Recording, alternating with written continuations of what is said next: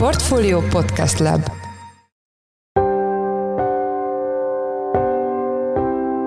Mindenkit üdvözlünk, sziasztok! Ez a Checklist a Portfolio podcastja november 21-én kedden. A műsor első részében arról lesz szó, hogy reálértéken is nőtt a magyar lakosság megtakarítása, a pénz nagyrészt az állampapírokba és befektetési alapokba áramlott. Az MNB tavaly úgy becsülte, tavaly szeptemberben, hogy a háztartások a rendelkezésre álló jövedelmünknek az 5,5%-át lesznek képesek megtakarítani, ami jelentős visszaesést jelentett volna az előző évekhez képest, és mondhatni, hogy 2009 óta nem látott alacsony értéket jelentett volna. Ehhez képest egy viszonylag jó évünk van, 9,9% ez a megtakarítási ráta. A témáról Palkó Istvánt, a portfólió vezető pénzügyi elemzőjét kérdezzük. A második blogban annak a törvényjavaslatnak az ingatlanpiaci hatásait elemezzük, amely lehetővé tenni, hogy tartózkodási engedélyeket kapjanak olyan harmadik országból érkező emberek, akik hajlandóak például nagyértékű ingatlanokat venni Magyarországon. Erről Futó Péterrel, a portfólió ingatlanpiaci elemzőjével beszélgetünk. Fontos keddi hír még, hogy a Magyar Nemzeti Bank a várakozásoknak megfelelően 75 bázisponttal 11,5 százalékra mérsékelte irányadó kamatát. A piaci szakértők egyöntetűen erre a lépésre számítottak, hiszen a jegybank az utóbbi hetekben több egyértelmű utalást tett arra, hogy a kamatcsökkentések milyen ütemben folytatódhatnak. Ezzel a témával a holnapi adásunkban foglalkozunk részletesen, ideértve azt is, hogy miről volt szó Virág Barnabás, MNB alelnök délutáni sajtótájékoztatóján. Én Szász Péter vagyok, a Portfolio Podcast Lab szerkesztője, ez pedig a checklist november 21-én. Most egy rövid szünet, és jövünk vissza.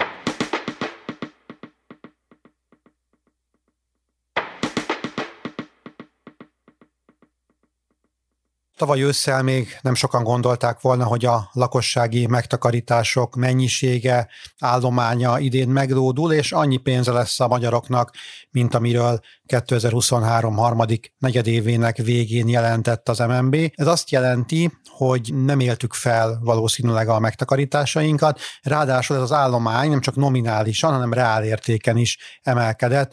Itt van velünk Palkó István, a portfólió vezető pénzügyi elemzője. Szia, üdvözöllek a műsorban. Szia Péter, köszöntöm a hallgatókat. Mennyi most a háztartások bruttó megtakarítása, és az hogyan változott a korábbi évekhez képest?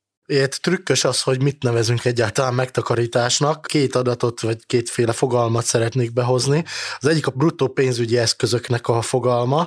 Ebben minden benne van gyakorlatilag a háztartások vagyonából a reál vagyonokat kivéve, tehát például a, az ingatlanokat vagy az ingóságokat nem számítjuk ide, de mindent, ami pénzügyi jellegű valamilyen értelemben azt ide soroljuk. Ez 93 ezer milliárd forint volt szeptember végén az MNB hétfőn közétett adatai szerint, ez egészen magasnak hangzik, de ennek csak egy része az, amit megtakarításnak tekinthetünk, hiszen ebben benne vannak például a tőzsdén kívüli céges részesedések, tehát hogyha valakinek egy cége van, azt is valahogyan értékeli az MNB, és az is benne van, vagy például az egymásnak nyújtott hitelek is benne vannak, vagy például a nem életbiztosítások esetében képzett biztosítói tartalékok is benne vannak, ezeket nem soroljuk a megtakarítások közé. Az összes többi, tehát készpénztől a folyószámláig, tőzsdei részvénytől az életbiztosításokig, nyugdíjpénztáraktól a állampapírokig, ezeket a megtakarítások közé soroljuk, és ezeknek az állománya ez 49 ezer milliárd forint volt, és mind a kettő viszonylag szépen emelkedett, nagyjából 9%-os mértékben egy év alatt, ami nem hangzik elsőre rosszul az elemzésedben, amit ezzel kapcsolatban írtál, azt lehet olvasni, hogy nem számítottak erre a szakértők vagy az elemzők. Miért gondolták azt ezek a szakemberek, hogy nem lesz ekkora megtakarítása a magyaroknak mostanra? Hát azt gondolták sokan, hogy az idei év az kifejezetten kihívásokkal teli lesz, különösen az energiaválság miatt. Ugye tavaly ősszel volt kifejezetten ennek egy negatív hangulata, ami rányomhatta volna bélyegét a megtakarítási piacra is. Olyan értelemmel rá is nyomta, hogy az infláció ugye elszállt tavaly, és hát a megtakarításoknak a reál értékét az kifejezetten rosszul érintette. A mi számításaink szerint 15%-kal visszavetette a reál értékét az infláció a, a háztartások megtakarításainak, ugyanakkor az idei évben ennek a hatásai már nem annyira érződtek. Hogyha kiszámoljuk az MNB adatai alapján, hogy mennyi volt tavaly év végétől idén szeptember végéig az infláció, akkor nagyjából 6% volt, és hogyha ezt összevetjük a 9 os említett nominális növekedéssel, pontosabban idén január 1 -e óta bekövetkezett 9 os emelkedéssel, akkor nagyjából 3 os reál növekedést láthatunk, tehát ennyivel növekedett a megtakarításoknak a reál értéke, tehát sikerült túltenni magunkat egyrészt ezen az inflációs sokkon. Van azonban egy látványosabb változás is, hiszen arra azért számítottunk, hogy az infláció le fog csengeni az idei évben, legalábbis egy számi egyűvé válik, ami azért a megtakarítások reál értékére pozitívan fog hatni. És a másik még fontosabb változás, vagy eltérés a várakozásokhoz képest az az, hogy például az MNB tavaly úgy becsülte, tavaly szeptemberben, hogy a háztartások a rendelkezésre álló jövedelmünknek az 5,5%-át lesznek képesek megtakarítani, ami jelentős visszaesést jelentett volna az előző évekhez képest, és mondhatni, hogy 2009 óta nem látott alacsony értéket jelentett volna.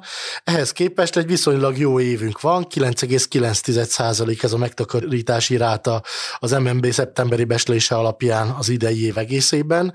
Ez sokkal jobb, mint a tavalyi 8,4%, és hát nem annyira jó, mint például a Covid alatt volt, amikor meg tudtak takarítani a háztartások, hiszen kevesebbet utaztak, kevesebbet költöttek, de, de minden esetre az mondható el, hogy a háztartások nem úgy simították ki a fogyasztásukat, hogy elkezdték volna jelentősen felérelni a megtakarításokat, vagy nem képeztek volna új megtakarításokat, sokkal inkább a fogyasztásukat és a beruházásaikat, tehát például lakásfelújítás fogták vissza, és a megtakarításaik képzését fogták vissza a legkevésbé.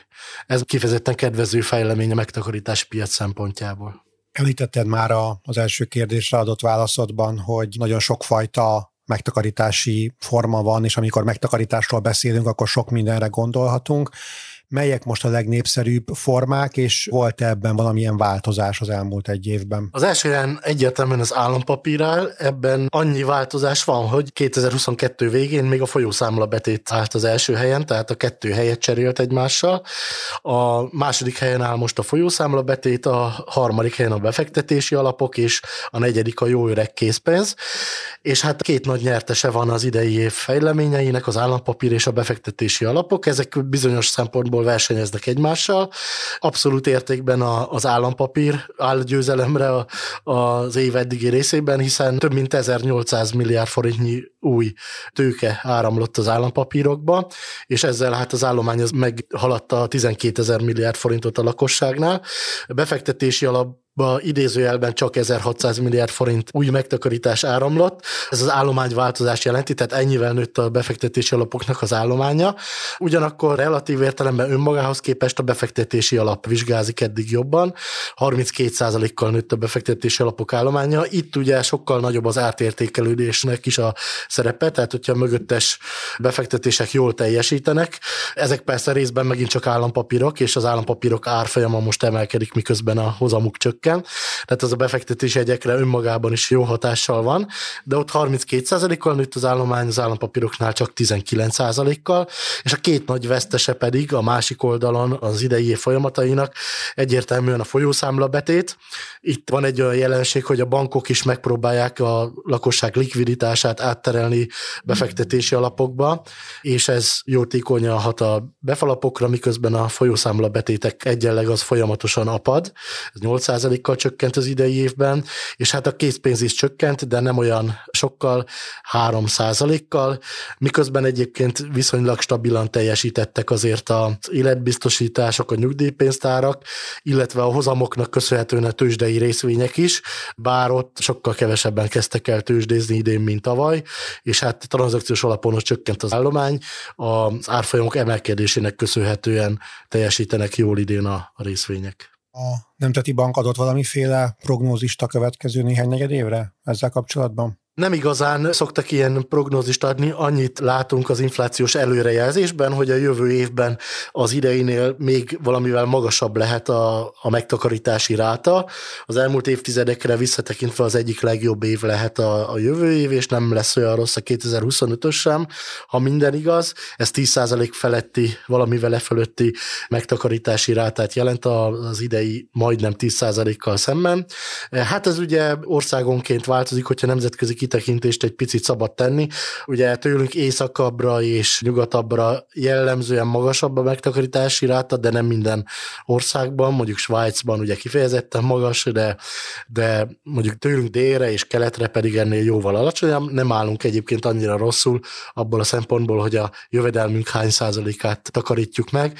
Más típusú előrejelzésünk nem igazán van, hát annyit lehet mondani, hogy ha a GDP emelkedik, akkor az jellemzően jó hatással van a megtakarításokra, és hát minden ettől függ a jövő évben. Ugye a fogyasztás is és a megtakarítás is kifejezetten a reálbérek emelkedésén keresztül fogja megérizni a gazdasági prosperitást, vagy annak elmaradása esetén a reálbérek csökkenésével a recessziót. De hát, hogyha minél jobbak a gazdasági kilátások, annál jobbak persze a megtakarítási kilátásaink is. Értem, nagyon szépen köszönöm. Az elmúlt percekben Palkó Istvánnal a portfólió vezető pénzügyi elemzőjével beszélgettünk. Köszönjük, hogy a rendelkezésünkre álltál. Én is köszönöm a figyelmet, sziasztok!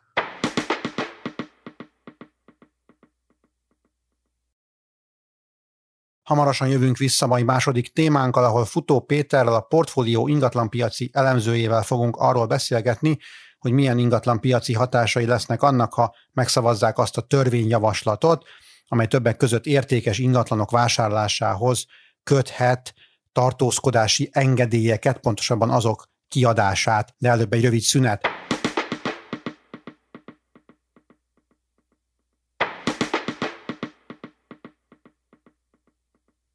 Itt a checklistben is beszéltünk már arról a törvénytervezetről, amely új tartózkodási engedélyeket és vízumkategóriákat vezetne be a harmadik országból érkező emberek számára.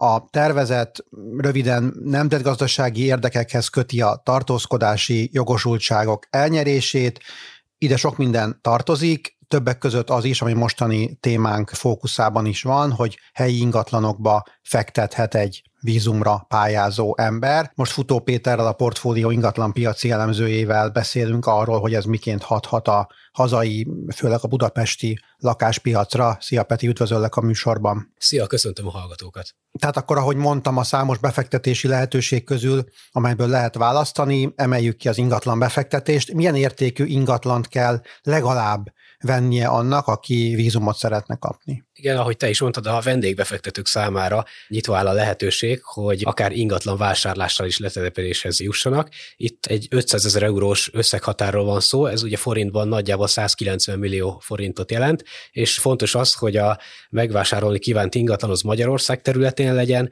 ingatlan nyilvántartásban helyrazi szám szerint be legyen jegyezve, per teher és igénymentes lakóingatlan legyen, tehát ebben kell tulajdonjogot szerezni a letelepedéshez. Hogyha ebben az árkategóriában gondolkozunk, akkor milyen ingatlanokat jelent ez? Ugye ez a piacnak meglehetősen a felső szegmensét jelenti. Vidéken leginkább a Balaton környékét lehetne kiemelni, ahol ilyen értékű, leginkább családi házak vagy új építésű lakások lehetnek, és hát azon kívül pedig elsősorban Budapest, azon belül is a drágább kerületek, drágább felújított vagy új építésű lakásai tartoznak ide. Ugye a budapesti átlag lakásár az valahol 50 millió forint körül, vagy egy kicsivel afelett alakul jelenleg, tehát ez annak a közel négyszeresét jelenti, úgyhogy itt leginkább belvárosi, budai, nagyobb méretű újépítésű lakásokról lehet szó, ahol akár két millió forint feletti négyzetméter ár is megvalósul, tehát ebben az esetben is legalább egy 80-90 négyzetméteres lakóingatlanról beszélhetünk. Akkor, ha jól értem, mert fogunk beszélni a hatásokról is, hogyha hat is ez a program valamelyest az ingatlanpiacra,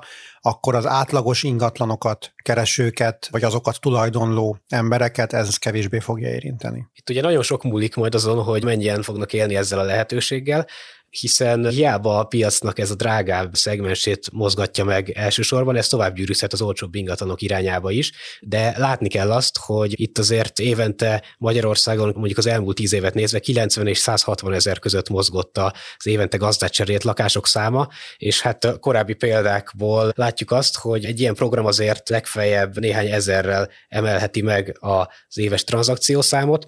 Nyilván ez, ahogy beszéltük, egy ilyen prémium szegmensnél viszonylag kis területre koncentrálódik, tehát elképzelhető az, hogy mondjuk a belvárosban, vagy bizonyos kerületekben, bizonyos városrészekben lehet ennek hatása az úgymond normál ingatlanok piacára nézve is. Mondtad a korábbi tapasztalatokat, valóban volt már letelepedési kötvényprogram Magyarországon. Mit tanulhattunk abból ingatlanpiaci szempontból? Igen, egy hasonló letelepedési program már 2013 és 2017 között is működött Magyarországon.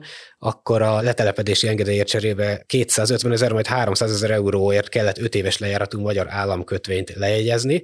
Itt tehát nem volt kritérium az ingatlanvásárlás, de a négy év alatt az a közel 20 ezer ember, ami mondjuk egy ilyen 6-7 ezer családot jelenthetett. Nagyon sok esetben ingatlant is vásárolt a letelepedéssel együtt. Érdekesség, hogy a letelepedési kötvényt választók mintegy 80% a kínai állampolgárságú személy volt. Ezzel egyébként a portfóliónak korábban a Telepesek című hatrészes podcast sorozatában is foglalkoztunk már. Tehát nagyjából akkor ez egy ilyen 1000-1500 többlet vásárlást jelenthetett évente. Országos viszonylatban ez elenyésző, ez nagyjából egy 1 százalékkal növelte meg a tranzakciószámot. Budapesten viszont különösen a belvárosi kerületekben, ahol ezen vásárlások nagy része lecsapódott, ott ennek lehetett akár érdemi áremelő hatása is a lakáspiacra nézve. És csak abban a szegmensben, ahol ezeket a lakásokat árosították, vagy van ennek egy mondjuk úgy vákum képző hatása is, tehát azzal, hogy emelkedik a nagyobb értékű ingatlanok ára, az magával húzhatja a kevésbé drága lakások árát is. Igen, ez abszolút összefügg, sőt egyébként a lakbérek árára is hatással lehet, de ugye itt még egyszer fontos hangsúlyozni, hogy az a kérdés, hogy hányan terveznek majd élni ezzel a lehetőséggel. Esetleg tudsz külföldi példát is említeni? Igen, hasonló letelepedési program az sok országban működött. Ugye ezeket a 2008-as válság után kezdték el bevezetni, elsősorban a gazdaság élénkítése vagy a, az ország finanszírozásának a helyreállítása érdekében. Portugália került az utóbbi időben nagyon gyakran a hírekbe, hiszen ott elsősorban Lisszabon nagyon népszerű lett ezen a téren, olyannyira, hogy a lakásárak érdemben megemelkedtek, olyannyira, hogy a helyiek számára már nehézséget okozott azok megvásárlása, sőt a bérleti díjakat is nagyon magával húzta ez, tehát egyfajta lakhatási válsághoz vezetett ez a, az ottani program, úgyhogy ezt azóta egyébként ott meg is szüntették, viszont hasonló program Írországban is működött, ott a Dublini ingatlanpiacra volt elsősorban hatással, és hát ott is nyilván csak részben, mert hogy ott számos más tényező is hozzájárult a lakásárak emelkedéséhez, de ott is tulajdonképpen ez, ez, ez volt az oka annak, hogy megszüntették végül ezt a programot. Jó, hát akkor nem szeretnénk kongatni a vészharangot, de mindenképpen érdemes figyelni az ingatlan piacot ezek szerint, hogyha ez a vízumprogram megjelenik Magyarországon. Köszönöm szépen az elmúlt percekben Futó Péterrel, a portfólió ingatlan piaci elemzőjével beszélgettünk. Köszönjük, hogy a rendelkezésünkre álltál. Köszönöm én is a lehetőséget, sziasztok!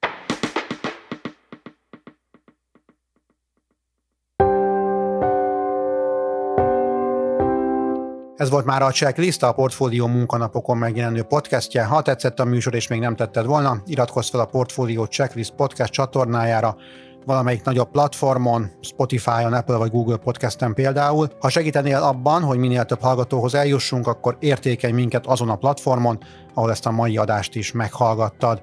A műsor elkészítésében részt vett Bánhidi Bálint, a szerkesztő pedig én voltam Száz Péter, új műsorral szerdán jelentkezünk, addig is minden jót, sziasztok!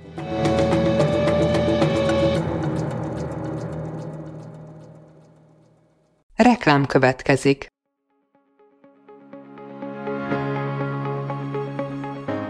Raúl Müller Lajos vagyok, az Agrárszektor főszerkesztője. Májusban két tematikus konferenciát is rendezünk Kecskeméten az agrofood szektor szereplőinek. A május 22-én tartandó Portfolio Agrofood 2024 konferencia az élelmiszeripari vállalkozások, beszállítóik, a szolgáltató cégek és a kereskedők számára nyújt egyedi betekintést az aktuális trendekbe. A május 23-án megrendezendő Agrofuture konferencia pedig egyedülálló módon tematikus formában foglalja össze a hazai agrárgazdaság fenntarthatósági követelményeit és innovációs lehetőségeit.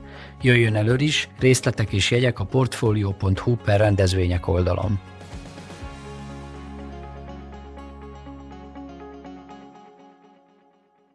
Reklámot hallottak.